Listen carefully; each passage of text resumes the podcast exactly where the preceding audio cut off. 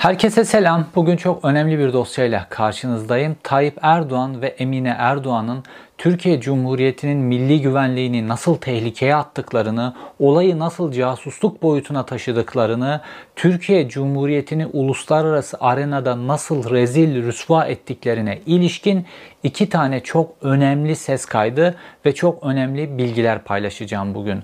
Bu ses kayıtları aynı zamanda yakın dönemde dönen dolapları anlamamız açısından da son derece önemli. Çünkü Emine Erdoğan'ın çanta krizi, lüks çanta krizi patladığında Hande Fırat'ı defansa çağırdılar. Normalde Hande Fırat sadece 15 Temmuz gibi çok kritik konularda kullanılırken çanta gibi bir mevzunun içerisinde Hande Fırat bütün savunma hattını kurdu. Demek ki bu çanta konusu son derece önemliydi. İşte bu çanta konusu üzerinden yaptığım araştırma bizi, beni uluslararası bir casusluk meselesinin tam ortasına getirdi ve bu iki önemli ses kaydı yeniden Türkiye'nin gündemine getirilmeyi hak etti. Yine bilgi dolu, yine dop dolu bir videoyla karşınızdayım.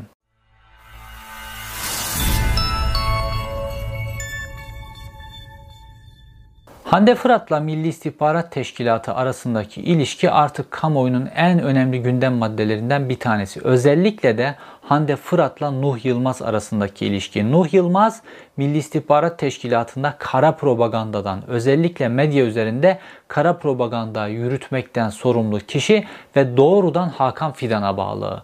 Nuh Yılmaz Hande Fırat'ı 15 Temmuz gecesi aramış ve telefonunun ekranına düşmüştü ve onun öncesinde 14 Temmuz'da ve daha öncesinde Hande Fırat'la Nuh Yılmaz arasındaki mekik diplomasisinin bütün detayları artık kamuoyunun malumu. Fakat Hande Fırat'ın çok önemli bir rolü var ve bu önemli rolü biz diğer Milli İstihbarat Teşkilatı mensuplarının ifadelerinde görüyorduk. Onlardan bir tanesi Bunların detaylarını çok geniş biçimde önceki videomda anlattım. Fakat bu Emine Erdoğan'ın çantasıyla arasındaki bağlantı ve konuyu casusluk boyutuna götüren konuyu anlamanız için çok kısa bir özet vereceğim burada size.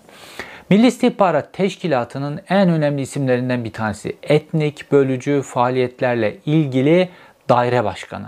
Erhan Pekçetin. Biliyorsunuz Erhan Pekçetin ve başka bir daire başkanı başarısız bir Milli İstihbarat Teşkilatı operasyonu neticesinde PKK tarafından Kuzey Irak'ta kaçırıldılar. Uluslararası boyutta bir casusluk skandalı. Milli İstihbarat Teşkilatı'nın iki daire başkanı şu an PKK'nın elinde.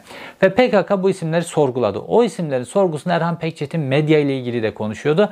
Ve ne diyordu orada Erhan Pekçetin? Hande Fırat çok önemli bir elemandır diyor ve çok yüksek, önemli konular ancak Hande Fırat'a verilir. Her kişi, her muhabire önemine göre konular verilir. Hande Fırat gibi isimler çok önemli noktalarda, önemli dosyalarda ancak kullanılır ve onun köşesi üzerinden bu konular yayılır diyordu Erhan Pekçetin. Kim? MİT Daire Başkanı. Diğer bir Milli İstihbarat Teşkilatı mensubu ki bu tutuk başka bir suçlama nedeniyle tutuklu yargılanırken Hande Fırat'la ilgili 15 Temmuz meselesinde savcılığa bazı ifadeler veriyor ve diyor ki Hande Fırat ile Nuh Yılmaz arasında çok güçlü bir ilişki var. İkilinin görüştüklerini biliyorum. Hande Fırat çok önemli bir isimdir Milli İstihbarat Teşkilatı açısından ve teşkilat usul ve esaslarına göre kendisiyle görüşülür ve Hande Fırat'a çok önemli dosyalar verilir. Yani Hande Fırat çok özel durumlarda kullanılır. Bütün bu iki Milli İstihbarat Teşkilatı mensubunun verdiği ifadelerden bunu anlıyoruz. Hande Fırat'ı sadece ve sadece kritik durumlarda kullanılıyor Milli İstihbarat Teşkilatı. Onlardan bir tanesi neydi? İşte 15 Temmuz gecesindeki o FaceTime görüşmesi ve öncesinde Nuh Yılmaz'la olan ilişkileri. Bunun adım adım adım pişirilip bu noktaya getirilmesi. Şimdi bir diğer noktaya geliyoruz. Hande Fırat çok kritik bir anda böyle Emine Erdoğan'ı savunmuştu. Emine Erdoğan hatırlıyorsunuz işte bu Charlie Hebdo dergisinde, Fransız dergisinde Hz. Muhammed'le ilgili bazı karikatürler yayınlanmıştı ve bununla ilgili bir skandal patlamıştı. Sonra Türkiye'de Fransız mallarının boykot edilmesiyle ilgili bir tartışma çıkmıştı. Ve Kemal Kılıçdaroğlu da e, Emine Erdoğan'ın Fransız malı çok lüks bir çantasına dikkat çekmişti. 50 bin dolarlık filan bir çantasına dikkat çekmişti. Önce o çantaları kullanmayı bıraksın filan demişti. Ve bir anda Emine Erdoğan'ın çantalarına herkes odaklanmaya başladı. Ve Emine Erdoğan'ın farklı farklı farklı çantalarının modelleri internetten çıkartıldı filan. Bir ortaya çıktı ki Emine Erdoğan'ın inanılmaz zengin bir çanta koleksiyonu var. Her bir çantası 40 bin dolar 50 bin dolar arasında değişiyor. İşte bir anda o günlerde de ekonomik krizin de böyle harlı olduğu günler o günlerde Hande Fırat bir anda devreye girdi ve akıl almaz bir savunma yaptı. Normalde Hande Fırat tecrübeli bir gazeteci. Kendisi ben Ankara'dan da tanıyorum. Hande Fırat böyle aptalca bir savunma yapmaz Emine Erdoğan için. Fakat Hande Fırat bir köşe yazısı yazdı. Ve dedi ki Emine Erdoğan'ın çantalarının hepsi taklit. Emine Erdoğan taklit çanta kullanmaya özen gösteriyor. Özellikle de yerli malı çanta kullanıyor. Yani ne demeye getiriyor? Emine Erdoğan gitmiş kapalı çarşıdan çakma Channel, kapalı çarşıdan çakma Hermes, kapalı çarşıdan çakma işte başka neyse bu ünlü markalar onlar kapalı çarşıdan almış demeye getiriyor. Oysa biz Emine Erdoğan'ı hiç kapalı çarşıda böyle çakmacı dükkanlarına falan girerken görmedik. Fakat Belçika basınında bir haber çıkmıştı. Neydi o haber? Emine Erdoğan NATO zirvesi için Tayyip Erdoğan'la birlikte Belçika'ya gidiyor. Brüksel'de bir sokağı kapatıyorlar. Emine Erdoğan oradaki Hermes dükkanının içerisine giriyor ve Hermes dükkanında inanılmaz yüksek miktarda alışverişler yapıyor ve bir de Hermes çanta alıyor. Sonrasında bununla ilgili şöyle ilginç de fatura çıktı biliyor musunuz? O zaman kriz çıkmasın diye o sokağı kapattıkları için korumalar kriz çıkmasın diye Belçika polisi müdahale etmiyor. Fakat sonrasında o sokağı kapattıkları için çok yüksek bir miktarda ceza faturası kesilip Türkiye Büyükelçiliğine gönderiliyor. Yani Emine Erdoğan'ın alışveriş keyfi için yapılan şey Türkiye Cumhuriyeti'nin vergi mükellefleri ceza olarak Belçika hükümetine ödediler. Hem de çok öyle böyle değil. Çok yüksek miktarda bir ceza. Elçiliğe gidiyor. Elçilik de onu nasıl ödeyeceğini de bilmiyor. Çünkü böyle bir şey yok. Bunu neyle ödeyecek? Nasıl bir bütçeleştirecek filan. Ondan sonra örtülü mörtülü filan o işi hallediyorlar. Ödeneklerden o işi ödüyorlar. Neyse Emine Erdoğan'ın böyle lüks düşkünü olduğu zaten Avrupa basınına yansımıştı ve bu düşük zevki olarak yansımıştı. Normalde işte geçtiğimiz günlerde öldü İngiliz kraliçesi filan ya da başka devlet başkanları filan onlar ayrı bir kategori. Onlar böyle Hermes çanta filan gibi çantalar giy takmazlar. Hani iş adamı olursun çok zengin bir iş adamıdır. O zengin iş adamının eşi ya da çok zengin bir CEO iş kadını filan onlar filan takarlar işte davetler mavetler filan için. Fakat bu sınıfa aittir devlet başkanları, devlet başkanlarının eşi First Lady klası ayrı bir şeydir. Onlar daha mütevazi takılırlar ve onlar bu tip 40-50 bin dolarlık çantalar asla işte en çok konuşulan Ürdün kraliçesi falan o dahi bunu yapmaz yani. Fakat Emin Erdoğan yapıyor. Ve bu Avrupa basında düşük zevk, düşük kalite insan modeli olarak sergileniyordu. Ve Hande Fırat bunu savundu bu şekilde. Dedi ki bu çantalar çakma. Oysa değil. Belçika basınına da düşmüş. Gitmiş o dükkanı kapatmış. Ayrıca Emine Erdoğan'ın çakma çanta kullanma ihtimali yok. Telif yasalarıyla ilgili çok önemli bir suç bu aynı zamanda. Bunu da yapamaz Emine Erdoğan. İşte buradaki kritik nokta şu. Hande Fırat gibi Milli İstihbarat Teşkilatı'nın mensuplarının da atıf yaptığı üzere ve hepimizin de gördüğü üzere sadece böyle 15 Temmuz ebadında böyle büyük montanlı işlerde kullanılan bir kişi nasıl oldu da bu çanta meselesinde kullanıldı. İşte burada çok kritik bir noktaya geliyoruz. Çünkü çanta meselesi Emine Erdoğan için çok hassas bir mesele. Neden? Çünkü Rıza Zarrab'dan aldıkları ilk rüşvet. O mesele 17-25'in kapağını açıyor ve oradan açıldığı andan itibaren de Tayyip Erdoğan'la Emine Erdoğan'ın aslında İran adına casusluk yapmaktan yargılanabileceklerine ilişkin çok önemli bir ses kaydı kamuoyunun gündemine geliyor. İşte bu ses kaydı kamuoyunun gündemine gelmesin, 17-25 Aralık soruşturmasının bu kısmı konuşulmasın diye Hande Fırat'ı böyle canla başla bu işin içerisine soktular. Hande Fırat'ı bu kritik pozisyonda tekrar kullandılar ve Hande Fırat'ın bu yazısından sonra tartışmalar bir anda sönümlendi. Şimdi size bir ses kaydı dinleteceğim. Bu ses kaydında Rıza Zarrab yardımcısı ve sağ kolu Abdullah Habbani ile konuşuyor. Ve Rıza Zarrab bu ses kaydında Emine Erdoğan'ı kastederek en büyük beyefendinin eşi ne bir çanta gönderildiğini söylüyor. Çanta için Rıza Zarrab 75 bin lira ödüyor. O günkü dolar kuruyla 42 bin dolar. Bugünkü dolar kuruyla hesaplayın. Şimdi bu ses kaydını dinleyelim. Bu ses kaydında çok önemli detaylar ortaya çıkacak. Ondan sonra bu ses kaydını yorumlayıp ikinci ses kaydına geçeceğiz. Çünkü bu ses kaydında bahsettikleri düğün sonrasında oluyor ve o düğünde çok enteresan gelişmeler oluyor. Önce ilk ses kaydını dinleyelim.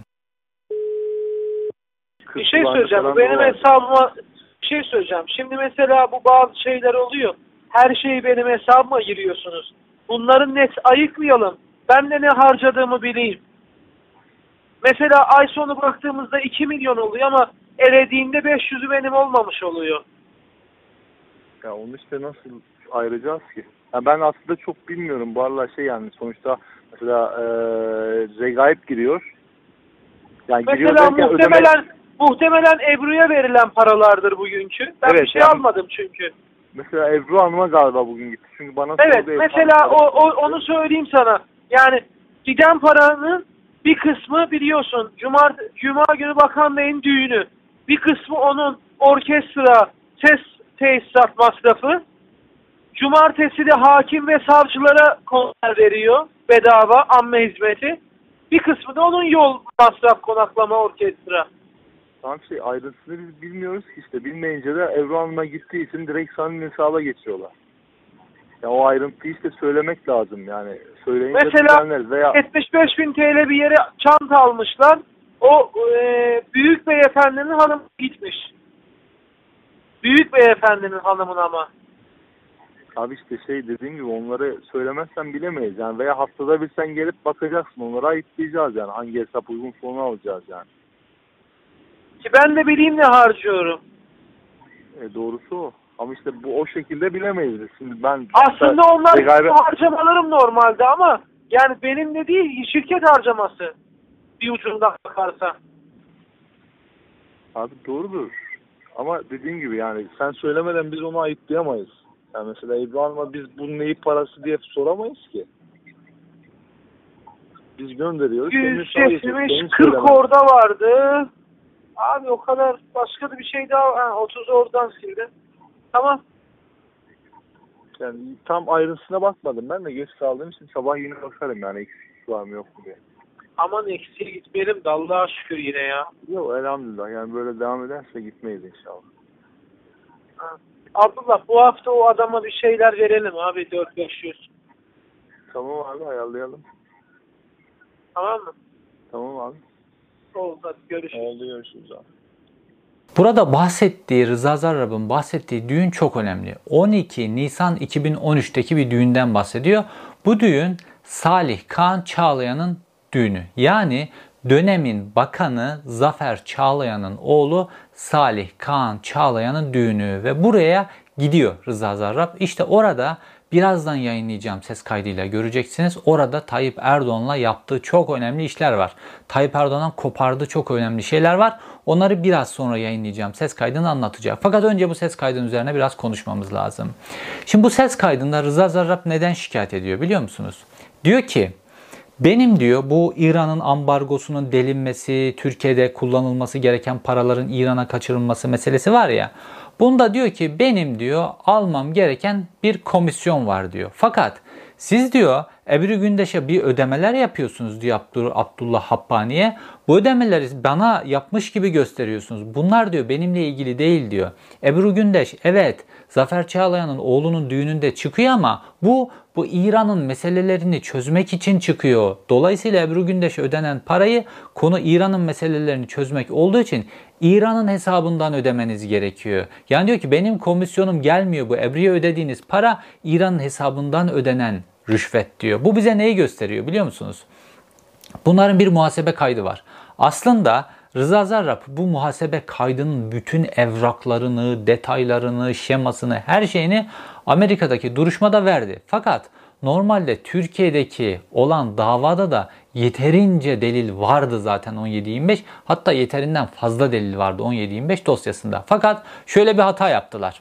Bu ses kaydı da şu an siz dinleyebiliyorsunuz ya bu hatadan kaynaklı. Normalde 17-25 operasyonundan sonra bu iş darbe deyip o polislerin hepsini tutukladılar ya. O polislerin hepsini tutuklayıp bunlara işte soruşturma açtıklarında polislerin avukatları da dedi ki bizim müvekkillerimizi savunabilmemiz için bu dava dosyasını bilmemiz lazım. O dava dosyasından savunacağız. Ve o dönem Tayyip Erdoğan'ın savcıları inanılmaz bir hata yapıp dava dosyasını tamamını 17-25 Aralık dava dosyasının tamamını, bütün belgeler, ses kayıtları, görüntüler, her şeyin birer kopyasını DVD'ler içerisinde tuttular avukatlara verdiler. Sonrasında ne halt yaptıklarını anladılar fakat avukatlardan geri alamadılar. Şimdi normalde devletin arşivindeki 17-25 ile ilgili filan bütün delilleri yok ettiler ya bunlar. Ses kayıtlarını, görüntüleri, HTS kayıtlarını her şeyi yok ettiler. Fakat Türkiye Cumhuriyeti savcısının dönemin savcısının imzasını taşıyan avukatlara verilmek üzere davanın birebir tıpkısının aynısı kopyası avukatlara verildi. Yani bu dava yarın yeniden açıldığında, konjektür döndüğünde resmi belgeler olduğu gibi birden fazla avukatın elinde var. Buz gibi verilecek. Şimdi burada neyse bu konunun bu kısmı. Bu ses kayıtları bu. Şimdi burada şöyle önemli bir nokta var. Rıza Zarrabların bu muhasebe sistemi şöyle tutuluyor. Rıza Zarrab bu işi yaptığı için, bu işte aracı olduğu için kendi komisyonu var. Bir de ödenen rüşvetler var. Fakat bu ödenen rüşvetler Rıza Zarrab'ın komisyonundan ödenmiyor. Hesaplarda orada bir karışıklık var. Rıza Zarrab diyor ki bu rüşvetleri diyor İran'ın tarafından ödenmeniz lazım. Çünkü bunlar gider diyor. Normal artık bunu bir şirket çalışması gibi görüyorlar. Bunlar gider diyor. Yani bu rüşvetleri oradan düşmeniz lazım diyor. Benim hesabımla karışıyor diyor. Abdullah Habbani de diyor ki Ebru Gündeş kısmı ile ilgili böyle bir karışıklık oluyor. Sen bizi uyarırsan diyor. Ondan sonra biz bunları bu şekilde düşeriz diyor. Yani Tayyip Erdoğan'ın eşine orada diyor ya büyük beyefendinin karısına gitti diyor ya. Büyük beyefendinin karısına gönderilen 42 bin dolarlık çanta nereden ödeniyor? İran'ın hesabından ödeniyor. Yani İran Türkiye Cumhuriyeti'nin başbakanına doğrudan rüşvet ödüyor. Birazdan daha daha ne kadar rüşvet ödediğinin detaylarına geleceğiz. Doğrudan rüşvet ödüyor. Fakat bu çanta çok önemli. Çünkü çanta Emine Erdoğan ve Tayyip Erdoğan kapısını açıyor. Önce Rıza Zarrab Emine Erdoğan üzerinden giriyor Erdoğan ailesine ve bu çantayı gönderiyor. Artık demek ki piyasada herkes nasıl Zafer Çağlayan'ın e, saat zevki vardı ya e, Patek Philip saatler alınıyordu ya Reza Zarrab böyle böyle Zafer Çağlayan'ı kafalamıştı ya. Demek ki Emine Erdoğan'ın da böyle çanta zevki olduğu piyasada biliniyor. Dolayısıyla Zafer e, dolayısıyla Rıza Zarrab buranın üzerinden ilerlemiş. Belki de Rıza Zarrab'a bu bilgiyi Zafer Çağlayan vermiştir. Kabinenin içerisinde belki de Muammer Güler vermiştir. Çünkü birazdan dinleyeceğiniz ses kaydında da göreceksiniz. Rıza Zarrab'ı götürüp Tayyip Erdoğan'la tanıştıran kişi Zafer Çağlayan. Ve Emine Erdoğan'a bu çanta öncesinden gidiyor. Ne kadar öncesinden gidiyor? Tam bu düğünün öncesinde. Çünkü bu düğünle ilgili bir ayarlama yapıyor. Bu düğünde Rıza Zarrab Tayyip Erdoğan'a takdim edilecek. Rıza Zarrab'ın çevirdiği dolaplar, Halkbank üzerinden yapılan işler filan bunların hepsi Tayyip Erdoğan'ın malumu. Fakat Rıza Zarrab birey olarak doğrudan Tayyip Erdoğan'a bu düğünde takdim edilecek. Şimdi düşünün.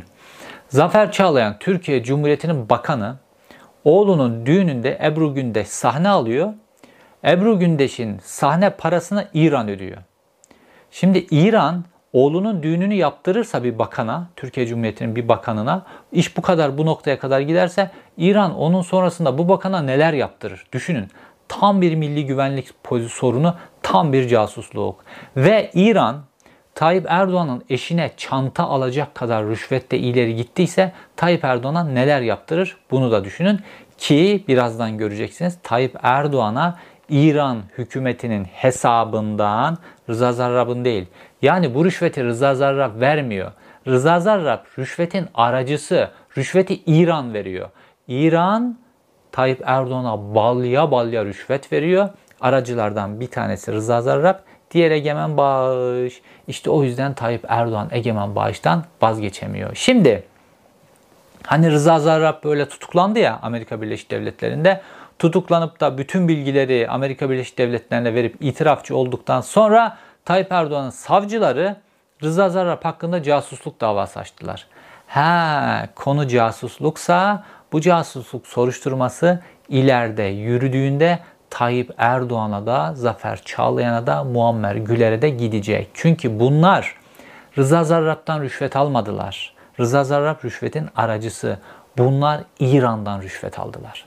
İran adına casusluktur bu. Dört dörtlük bir ülkeden para alıyorsanız o ülkenin adına casusluğunuzdur. Bunun iler tutar yanı tartışmalı yanı falan yok. Hele de bakan başbakan seviyesinde kişiyseniz. Şimdi gelelim ikinci ses kaydına. Bu ikinci ses kaydını dinlediğimizde fotoğraf oturacak. Çünkü bu ikinci ses kaydı birinci ses kaydının devamı. Dediğim gibi bu ses kayıtları resmi tutanaklı, resmi dökümleri yapılmış, mühürlenmiş, imzalanmış Türkiye Cumhuriyeti'nin polisleri, savcısının mührünü taşıyan şekilde Türkiye Cumhuriyeti Devleti'nin arşivine, UYAP arşivine girmiş idi. Bunları silseler de kopyaları şu an resmi kopyaları avukatların elinde var. Ki biliyorsunuz Türkiye'de silinen her şey geri getirilir. Devlet bir şeyi bir yerden siliyorsa 50 yerde kaydı çıkar. Hiçbir şey kaybolmaz Türkiye Cumhuriyeti'ne. Merak etmeyin. Devletin bu unutmaz, inanılmaz bir fil hafızası vardır. 50 yerden kayıt çıkar. Şimdi Tayyip Erdoğanlar hani İmamoğlu iktidara gelince, İmamoğlu seçilince filan belediyeden evrakları yıktılar filan ya. Bir devran değişsin. Bakın o yakılan evraklar nasıl geri geliyor. Belediyenin hangi biriminde ne kopyaları varmış filan. Görürüz bunların hepsini. Şimdi gelelim ikinci ses kaydına.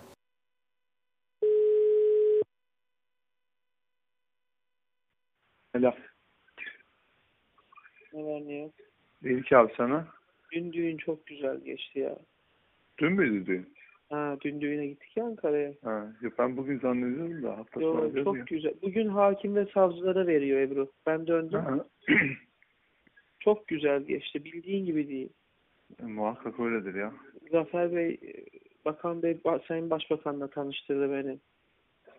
İyi o da güzel olmuş. Ha, çok güzel, çok iyi karşıladı beni.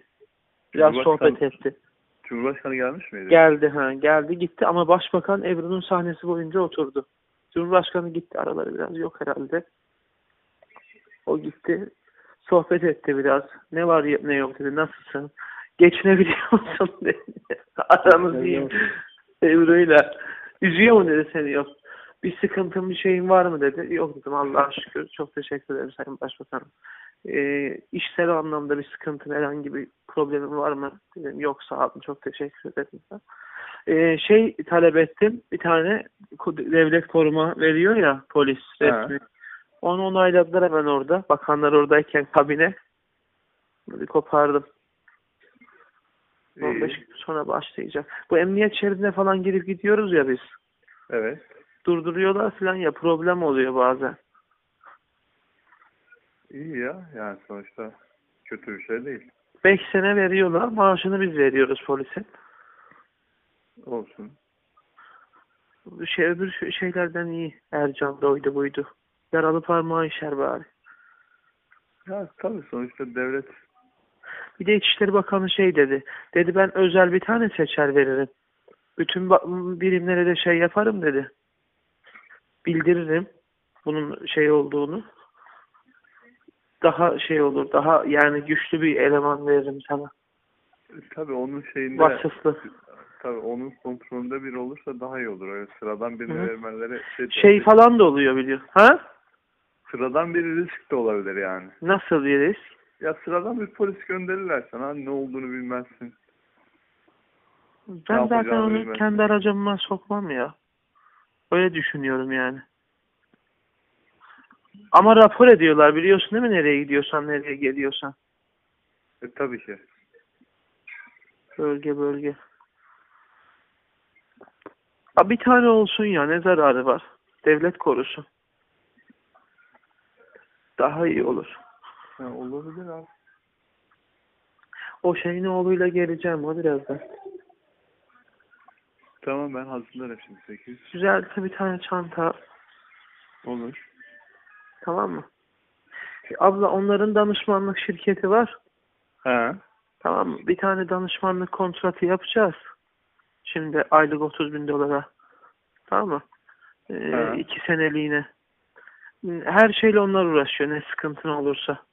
Nasıl yani? Her yerde, her şeyde. Tamam abi. Resmi. Bu az bir para değil ha. Aylık Ay- mı? Tabii. 600 bin dolar yapar iki yılda. 660 bin dolar yapar. Tamam abi. O mesela o şeyin kurumu falan var ya Adem'in falan. He. Öyle şeyler falan kendileri gidip hallediyorlar. Tamam. Konuş şey yapalım. Konuşuruz. Ne yapabilirler bakarız yani. Sordum ben ne yapabileceklerini. Onları konuştuk zaten. Tamam abi. Sen uygun görüyorsan problem yok. Tabii tabii kesin ya. Kesin. Tamam sıkıntı yok o zaman. Oldu konuşuruz. Oldu görüşürüz. Hadi. Şimdi bu ses kaydında gördünüz mü? Bir çanta nelere kapı açıyor ve çanta neden önemli Emine Erdoğan için? Ve Emine Erdoğan çanta konusuna mevzu gelmemesi için Milli İstihbarat Teşkilatı'nın imkan ve kabiliyetlerini kullanarak Hande Fırat'ı nasıl defansa çağırıyor? Bunu şimdi anladınız zannedersem. Çünkü çanta ne kapılar açtı bakın. Bu ses kaydında, ikinci ses kaydında birkaç tane önemli nokta var. Bunlardan bir tanesi Tayyip Erdoğan'a Zafer Çağlayan Rıza Zarrab'ı götürüyor. Ve bir tanışma oluyor orada. Bu ses kaydı düğün ayın 12'sinde oluyor. 13'ünde hemen bu telefon görüşmesi gerçekleşiyor. Abdullah Habbani'ye rapor veriyor bir bakıma Rıza. Çünkü Abdullah, Abdullah Habbani aynı zamanda Rıza'nın beyni gibi bir şey yani. Çok önemli bir adam Rıza Zarrab açısından. Tayyip Erdoğan'a Zafer Çağlayan götürüp Rıza Zarrab'ı takdim ediyor. Tayyip Erdoğan e, Rıza Zarrab'ın background'unu, ne işler çevirdiğini bildiği için gayet iyi karşılıyor. Ebru Gündeş'le ilişkileri, evlilik, mevlilik falan çok sıcak davranıyor. Yetmiyor. Rıza Zarrab cürete bakın ya. Rıza Zarrab gibi daha 20'li yaşlardaki bir adam Tayyip Erdoğan'a diyor ki bana özel koruma tahsis et ki güvenlik şeridini rahat kullanabileyim diye. Onu söylüyor. Bir de dalga geçiyor. Kabinenin hepsi oradayken diyor bunu da kabul etti diyor. Bunu da halletti. Neyin karşılığında hallediyor Tayyip Erdoğan bunları? Rıza Zarrab gibi hiçbir tehdit almayan, devlet açısından hiçbir önemi olmayan birine Türkiye Cumhuriyeti'nin polisini tahsis edip İstanbul'da orada burada güvenlik şeritlerini, çakarlı arabaları filan niye tahsis ediyor Tayyip Erdoğan? Bu adamın ne özelliği var? Neden hak ediyor bunu? Türkiye Cumhuriyeti'nde suikaste uğrayacağı belli olan kişilere koruma verilmedi. İnsanlar göz göre göre suikaste uğradılar. Gidiyorlar kime koruma tahsis ediyorlar? Rıza Zarrab denen birisine koruma tahsis ediyorlar. Neden? Çünkü rüşveti peşin verdi. Rıza Zarrab diyordu ya memurun rüşvetini peşin vereceksin. Tayyip Erdoğan'ın masasına oturmadan önce Tayyip Erdoğan'ın rüşvetini en hassas noktadan Emine Erdoğan'ın çanta zevki üzerinden veriyor. Kaleyi Emine Erdoğan üzerinden fethedince ondan sonra Tayyip Erdoğan'ın masasında çok makbul bir adam oluyor. Ondan sonra Türkiye Cumhuriyeti'nin polisi Rıza Zarrab gibi bir adama köle gibi tahsis ediliyor. Rıza Zarrab da arabama bile almam onu ben öndekine koyarım falan filan diyor. Güvenmiyor da bir taraftan. Çünkü gittiği yeri not eder, arabada dinlediklerini yazar, şu olur, bu olur vesaire. Bir bu bu çok önemli bir konu. Yani çok önemli bir konu. Türkiye Cumhuriyeti'nin ne duruma düşürülmesi açı, düşürüldüğünü görmemiz açısından önemli bir konu. Bir diğeri Orada geçen bir e, 30 bin dolarlık bir mevzu var. Ayda 30 bin dolar danışmanlık ücreti. Şimdi Rıza Zarrab'ın şirketleri var. Geçtiğimiz günlerde bu e, Zehra Taşkesenli meselesi patlak verdi ya Sedat Peker'in tweetlerinden sonra. Hatırlayın Zehra Taşkesenli de birisinin e, sermaye piyasası kurusun, kurulunda, abisinin yönettiği sermaye piyasası kurulunda işini çözeceği zaman rüşveti nasıl kılıfına sokmuştu? Geliyorlar onun bir danışmanlık şirketi var. İnsanlar orada danışmanlık şirketine e, üye oluyorlar. 20 milyon ödüyorlar, 9 milyon ödüyorlar, 10 milyon ödüyorlar filan. O da gidiyor onların devletteki işlerini çözüyor. Yani Zehra Taşkesenli bunu kimden öğrenmiş? Reisinden öğrenmiş. Reisi böyle yaptığı için o da aynısını yapıyor. Reisi ne yapıyor? Reisinin adamları ne yapıyor? Bu geçen 30 bin dolarlık mesele Zafer Çağlayan'ın oğlunun meselesi. Zafer Çağlayan'ın oğlu bir danışmanlık şirketi kuruyor. O danışmanlık şirketine her ay o danışmanlık şirketi de Rıza Zarrab'ın şirketine danışmanlık veriyor sözde. Her ay 30 bin dolar ödeniyor. her ay 30 bin dolar. Paranın büyüklüğüne bakın. Abdullah Habbani gibi paralar üst üste balya yapıp fotoğraf veren bir adama bile fazla geliyor fakat ödüyorlar. Neden? Çünkü Rıza Zarrab bu konularda inanılmaz bonkör. Esas olan işlerin çözülmesi. Başka bir tapedisinde de geçiyordu. Rıza Zarrab ya ben olsam veririm rüşveti falan diyor. Esas olan meselelerin çözülmesi o, o noktada Abdullah Habbani biraz daha böyle muhasebeci gibi para konusunda biraz daha sıkı diyebileceğimiz bir noktada. Fakat bir de 800 bin dolardan bahsediyorlar. O çocuğa vereceğiniz 800 bin dolar. O kim? Muammer Güler'in oğlu Barış Güler. Ona ödenecek 800 bin dolar var. Neden?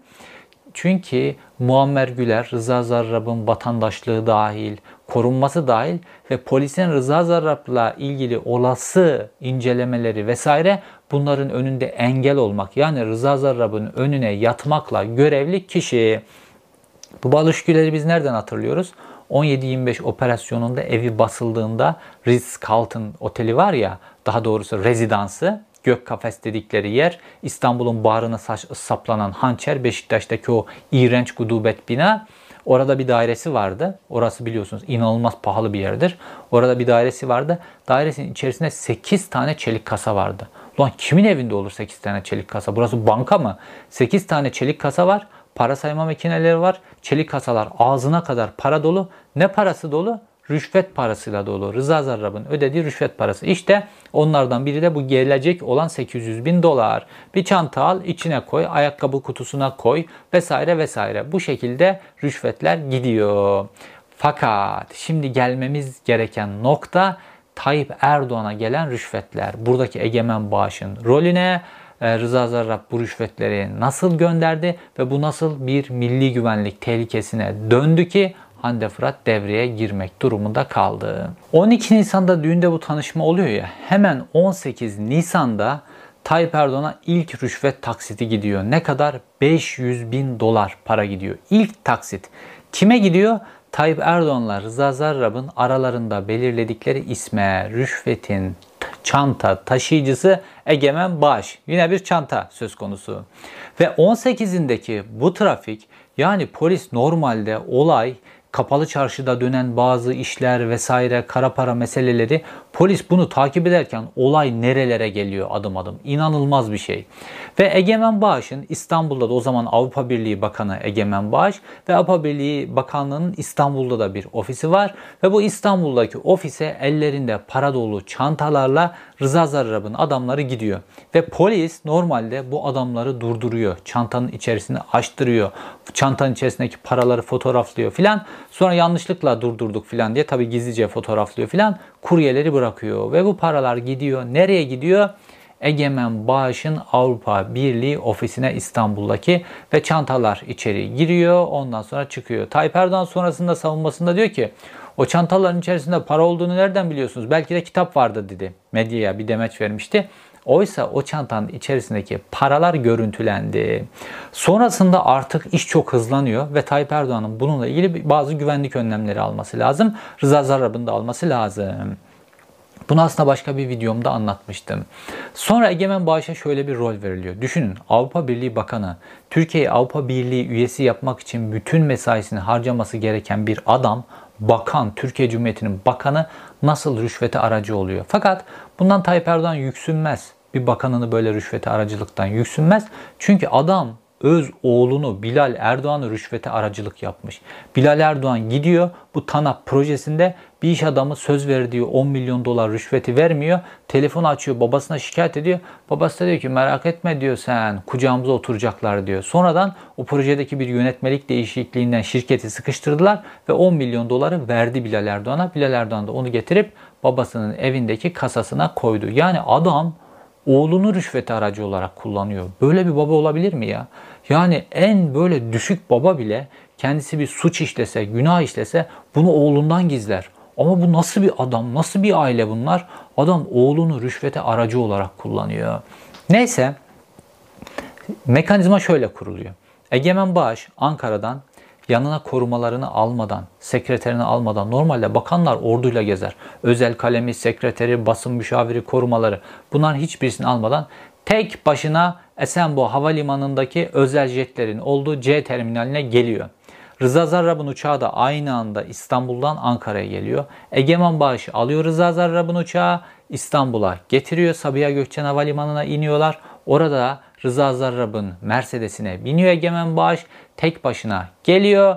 Rıza Zarrab'dan rüşvetleri alıyor. Tayyip Erdoğan'ın kendisine tarif ettiği İstanbul'daki adrese ya da Ankara'ya istemişse Ankara'ya Egemen Baş aynı şekilde yine aynı şekilde Rıza Zarrab'ın otomobilini, Rıza Zarrab'ın uçağını kullanarak geliyor ve tek başına geliyor. Bütün bu faaliyeti tek başına icra ediyor Egemen Baş. Bu sebeple Egemen Baş çok önemli. Bakın 17-25 soruşturması böyle patladı ya skandal patladı. İşte Zafer Çağlayan, Bakan Zafer Çağlayan istifa etmek zorunda kaldı. Muammer Güler istifa etmek zorunda kaldı ve Erdoğan Bayraktar istifa etmek zorunda kaldı. Normalde Erdoğan Bayraktar'ın bu Rıza Zarrab meselesiyle ilişkisi yok. 25 Aralık'ta bu imar işleriyle ilişkisi var. Fakat o da istifa etmek zorunda kaldı. 3 tane bakan istifa etti. Kim istifa etmedi biliyor musunuz? Egemen Bağış istifa etmedi. Bu hani böyle bir yanlış algı oturmuş. Sanki Egemen Bağış'ta 4 bakan istifa etti deniyor. Yok. 3 bakan istifa etti. Egemen Bağış ne oldu biliyor musunuz? Sonrasında kabine değişikliği oldu. 3 bakan istifa edince kabinenin yenilenmesi lazım. Ve detayı nereden görüyoruz? Egemen Bağış istifa etmedi. Sonrasında kabine tekrar yenilenince Abdullah Gül'ün bir basın e, danışmanı vardı Ahmet Sever. Sonrasında Abdullah Gül'le 12 yıl diye bir kitap yazdı. Burada Abdullah Gül'le olan şahitliklerini filan anlattı. Tayyip Erdoğan kabineyi yenilemek için yeni kabine getiriyor Abdullah Gül'e. Egemen Bağış kabinede yine var. Yine bakan olarak pozisyonunu koruyor. Abdullah Gül buna karşı çıkıyor. Diyor ki çok büyük sıkıntı olur, skandal olur. Adam bu kadar şeye bulaşmış vesaire. Ki o bakara makara ses kayıtları falan çıkmış ya. Ondan sonra bu da var tabii işin içerisinde. İslamcılar rahatsız eden birazcık acaba rahatsız ediyorum ondan da emin değilim. Biraz bu yönlerde var skandallar var. Tayyip Erdoğan ısrar ediyor. Ee, Abdullah Gül sıkı durunca Tayyip Erdoğan kabineye, yeni kabineye Egemen Bağış'ı koymuyor. Yani Egemen Bağış istifa etmedi. Tayyip Erdoğan bütün o bakara makara dalga geçmelerine rağmen ses kayıtları çıkmıştı 17-25'te filan. Buna rağmen bu skandallara rağmen Egemen Bağış'ı korumak için direniyor. Neden? Çünkü Diğer bakanlar, oğulları falan vesaire herkes kendi hesabına çalışmış. Rıza Zarrab'dan, İran hükümetinden rüşvetleri her bakan kendi hesabına almış. Fakat Tayyip Erdoğan kendi hesabına İran'dan aldığı rüşvetler de Egemen Bağış aracı yaptığı için Egemen Bağış kritik rolde. Tayyip Erdoğan ele verebilir, yarın gün değişir, olur bu olur. Dolayısıyla Egemen Bağış'ın arkasında durmak durumunda. Görüyor musunuz fırılda? Hiçbir şey önemli değil. Bu skandal, yolsuzluk, pislik hiçbir şey önemli değil. Kur'an ayetleriyle dalga geçmesi hiçbir şey önemli değil. Tek önemli şey var para. Adam oğlunu bile para için kullanacak kadar düşkün bir vaziyette. Şimdi hatırlayın Gülşen geçtiğimiz günlerde İmam Hatiplilere bir tane hakaret etti. Kadını tutukladılar. Ev hapsi yaptılar filan. Bu kadar kamuoyu tepkisi, mepkisi filan zor bela bıraktılar. Ev hapsi kararını kaldırdılar. Şimdi Egemen Bağış bırak İmam Hatip'le dalga geçmeyi. Egemen Bağış Kur'an'ın ayetleriyle dalga geçiyordu. Gazeteci Metehan Demir'le telefonda konuşuyor. Ee, ve bu telefon konuşmasında Kur'an'ın ayetleriyle dalga geçiyor. Ve Tayyip Erdoğan bırak o adamı tutuklamayı, ev hapsi yapmayı filan kabineden çıkmaması için direniyor. Neden? Ne Allah'ın ayetleri, ne ahlak, başka ne de başka önemli değerlerin hiçbirisi Tayyip Erdoğan için önemli değil. Tayyip Erdoğan için tek önemli şey vardır, para. Paradan başka hiçbir şeyin Tayyip Erdoğan'ın hayatında önemi yok. Bir babanın oğluna karşı haysiyetini korumasının bile önemi yok. Baba, bir baba oğluna rüşvet takipçiliği yaptırarak kendi durumunu, kendisinin ne kadar düşkün olduğunu oğlunun gözlerinin içine sokuyor. Ondan sonra hayırlı evlat. Böyle bir hayırlı evlat olur mu? Ne diyorlardı? Hırsızlık babadan oğula geçer. Bu Tayyip Erdoğan kendisinin de söylediği bir cümle. Oğlu da bu yolun yolcusu olacak. Babasından onu görüyor zaten. Rıza Zarrab'la Tayyip Erdoğan, Rıza Zarrab, Tayyip Erdoğan, Emine Erdoğan üçgenindeki suçların başlangıç noktasında bu çanta olduğu için Hande Fırat'ı defansa çağırmak durumunda kaldılar. Yani Nuh'un en kritik gazetecisini yine çok kritik bir anda belki Tayyip Erdoğan için 15 Temmuz kadar kritik bir anda, kritik bir konuda Hande Fırat'ı yeniden kullandılar. Neden? Çünkü başlangıç noktası burası. Burayı bildikleri için bu noktayı çökertmek durumunda kaldılar ve Hande Fırat bu inanılmaz yazıyı yazdı. Emin Erdoğan fake çantalar kullanıyormuş. Belki de Rıza Zarrab gitti. Kapalı çarşıdan o fake çantaları alıp Emin Erdoğan'a gönderdi fakat Rıza Zarrab'ı kazıklamışlar. 42 bin dolar ödemiş çantaya. Emin Erdoğan'ın çanta zevki meselesi böyle. Fakat bu konuda birkaç önemli şey söylemek istiyorum. Normalde konu şudur. İran'ın Türkiye'de 20 milyar dolar parası vardı.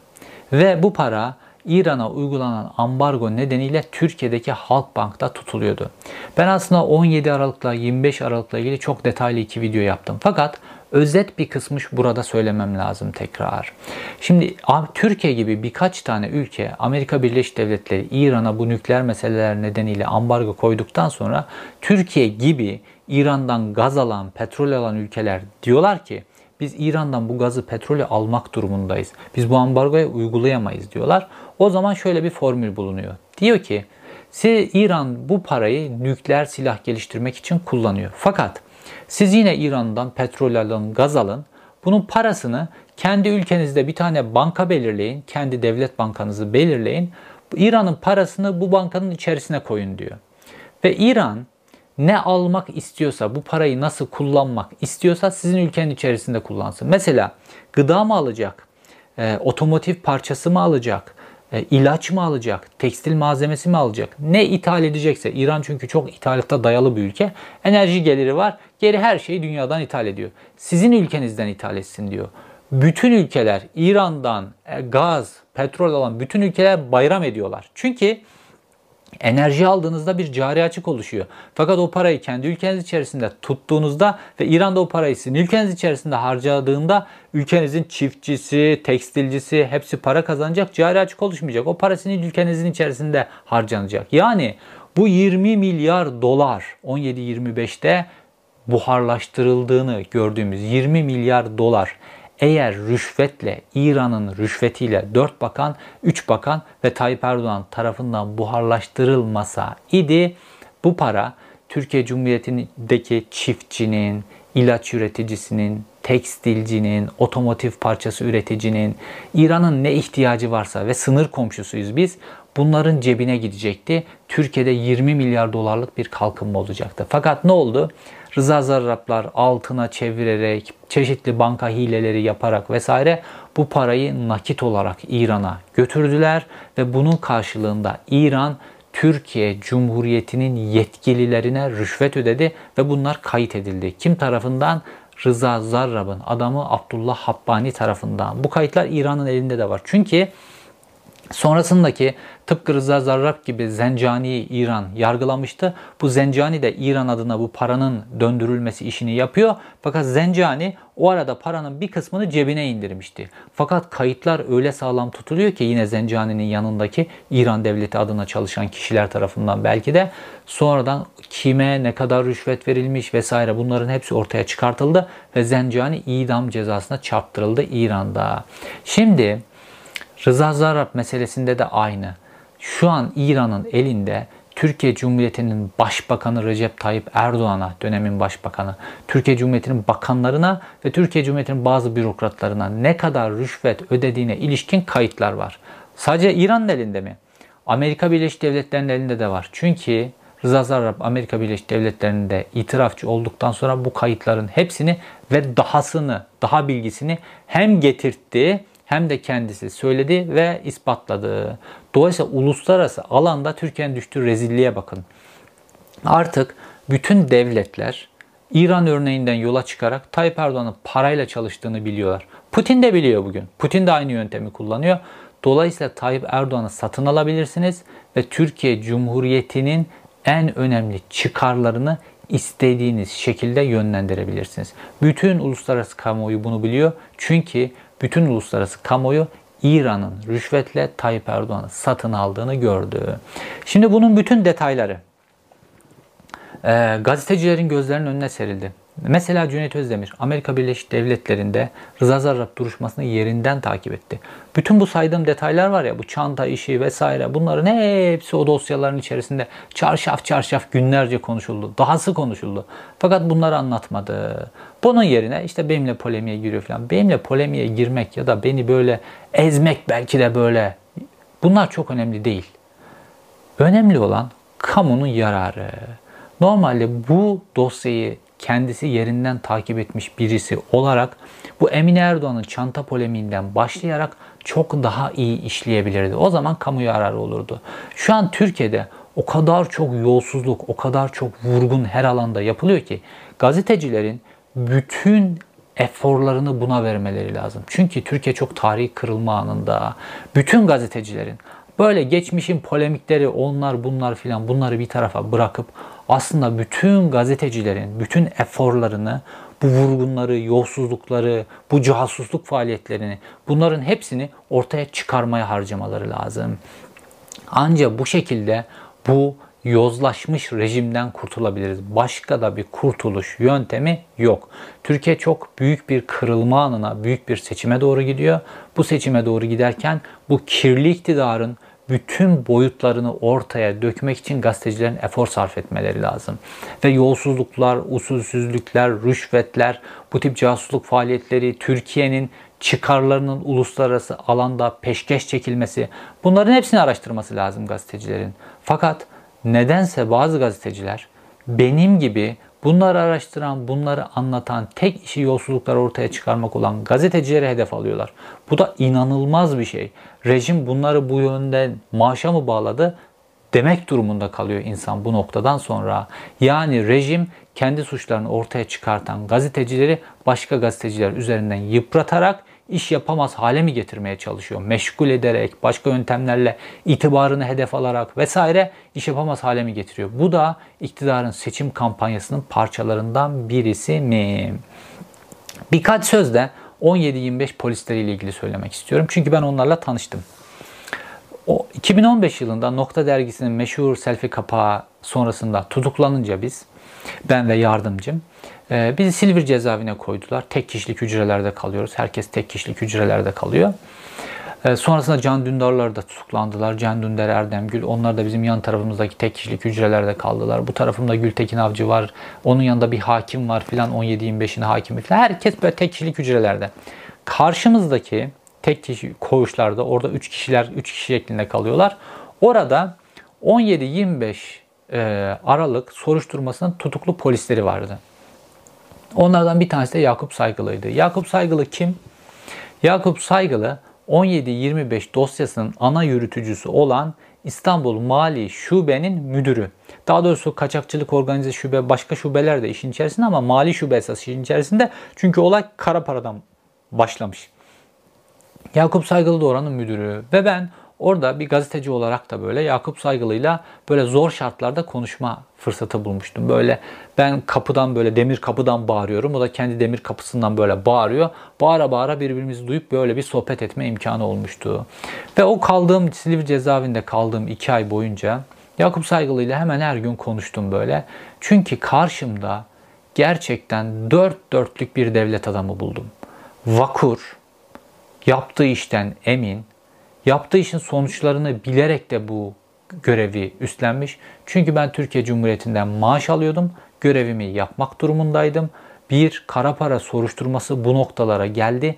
Nereye giderse gitsin soruşturmanın üzerine adli kolluk olarak gitmekle ilgili bununla ilgili biz şeref yeminler ettik, meslek yeminler ettik. Dolayısıyla ben görevimi yaptım görevini yapmanın vakurluğu içerisindeydi ve şunu da söyledi açık açık. Tayyip Erdoğan'ın canını nasıl yaktıklarını, Tayyip Erdoğan'ın ve onun rejiminin gerçek yüzünü, o hırsız yüzünü ilk defa kamuoyunun gözünün önüne serdiklerini bildiği için de şöyle bir şey söylemişti. Cevheri Bey, buradan yani bu rejimin tutukladığı bu siyasi tutukluların hepsinden kastederek buradan herkes çıkar en son biz çıkarız demişti. Neden? Çünkü bu rejimin gerçek yüzünü bütün dünyaya gösterdiler. Bu hırsız yüzünü bütün dünyaya gösterdiler ve hepsi görevlerini yaptılar. Şimdi 17-25 Aralık soruşturmasının bir sürü polisi yıllardır tutuklu. 8 yılı aştı. 8 yılı aşkın süredir tutuklu. Ve muhalefet partilerinin liderlerine bakıyorum. Zaman zaman Kemal Kılıçdaroğlu, geçmişte Devlet Bahçeli, Meral Akşener 17-25 ile ilgili, Rıza Zarrab'la ilgili meseleleri kullanıyorlar. Fakat ben cezaevindeyken CHP'li milletvekilleri gelip beni de cezaevinde ziyaret etmişlerdi. Yakup Saygılı sadece bir koğuş ötede. Yakup Saygılı şöyle bir şey söyledi. Bizi bir tane muhalefet partisi milletvekili gelip ziyaret etmedi. Bu işin aslı nedir diye. Bunu siyasi olarak kullandılar. Fakat bu işin aslı nedir diye gelip bizden dinlemedi bir tane milletvekili demişti. İşte bu çok acıklı. Fakat onlar o milletvekilleri için, o muhalefet için de değil, görevleriyle ilgili yemin ettikleri için görevlerinin gereğini yerine getirdiler. Yakup Saygılı dört dörtlük bir devlet adamı, diğerleri de öyledir. Hatırlayın o soruşturmada daha alt seviyede görev alan bir polis komiseri vardı. Mehmet Akif Üner. Şöyle bir şey söylemişti. Biz demişti bir yolsuzluk soruşturması falan yapıyorduk ama şunu fark ettik. Biz devletin namusunu kurtarmışız demişti. Hakikaten de öyle. Görüyor musunuz? Rıza Zarrab üzerinden İran devleti Türkiye Cumhuriyeti'nin başbakanını çantayla kafalıyor. Çantayla kafalıyor. İran devleti Türkiye Cumhuriyeti başbakanına balya balya Türkiye Cumhuriyeti'nin bir bakanını aracı yaparak, çantacı yaparak ona balya balya rüşvet gönderiyor ve Türkiye Cumhuriyeti'nin başbakanı Türkiye Cumhuriyeti'nin başbakanının eşi bu rezillikler ortaya dökülmesin diye kendilerini daha da düşürdüler. Ne yaptılar biliyor musunuz? Rıza Zarrab Amerika Birleşik Devletleri'nde yakalanınca Tayyip Erdoğan Amerika Birleşik Devletleri'ne gitmişti. O zaman şu anki başkan Joe Biden da başkan yardımcısıydı. Tayyip Erdoğan'la 90 dakika baş başa görüşme yapmışlardı. Ve sonrasında bu görüşmeyle ilgili Amerika basınına bazı haberler çıktı. Tayyip Erdoğan 90 dakikalık görüşmesinin, görüşmenin yarıdan fazlasını Amerika Birleşik Devletleri Başkan Yardımcısını Rıza Zarrab'ı serbest bırakıp Türkiye'ye göndermesiyle ilgili iknaya harcamış. Düşünün Türkiye'nin Amerika Birleşik Devletleri ile ne kadar çok konusu var. Silah alımından tutun, ordunun e, modernizasyonuna tutun, bölgemizdeki gelişmeler, ticari meseleler bunların hepsini bir tarafa atmış. Kendi paçasını kurtarmanın derdine düşmüş ve Türkiye Cumhuriyeti'nin o dönem Cumhurbaşkanı olan Tayyip Erdoğan Joe Biden'ın önünde neredeyse diz çöküp Rıza Zarrab'ı bırakması için yalvarıyor. Kendi pislikleri ortaya çıkmasın diye. Joe Biden olayın bütün detayını biliyor. Yetmiyor. Ee, Joe Biden'ın eşiyle de Emine Erdoğan görüşüyor ve Emine Erdoğan da onun eşine yalvarıyor adeta. Bu da Amerika Birleşik Devletleri'nin basınına çıktı. O günlerde de Bekir Bozdağ da bakan o da gidip Amerikan Adalet Bakanı'na yalvarıyor bu şekilde. Rezilliğin boyutlarını görebiliyor musunuz? Türkiye Cumhuriyeti'ni ne durumda düşürdüler? Ama o polisler kendi ifadeleriyle Türkiye Cumhuriyeti'nin namusunu kurtarmışlardı. Eğer muhalefet yeterince üzerine gitseydi, eğer medya yeterine üzerine gitseydi iktidar devrilirdi. Ve bugün tarih, doğa, Türkiye'nin ahlaki değerleri, Türkiye'nin geleceği, hepimizin geleceği tarumar edildi. Eğer o gün o soruşturmanın gereği yapılsaydı bütün bu büyük talan, bütün bu büyük yıkım olmayacaktı. Fakat o gün ne muhalefet ne medya yeterince arkasında durmadılar. O soruşturmanın yerle bir edilmesini izlediler. Yolsuzluktan darbeye çevrilmesini izlediler. O polislerin cezaevine tıkılmasını izlediler. O delillerin yok edilmesini izlediler. O yüzden bugünkü noktalara geldik ve bugün Adalet ve Kalkınma Partisi'nin herhangi bir Adalet ve Kalkınma Partili köy muhtarına dahi bir ilçe başkanına dahi Türkiye Cumhuriyeti'nin savcıları soruşturma açamaz hale geldiler. O gün başladı her şey. O gün bir mahkeme kararı uygulanmadı ve o noktadan bu noktaya geldik. Türkiye'de yargı yok edildi. İzlediğiniz için teşekkür ederim. Bir sonraki videoda görüşmek üzere.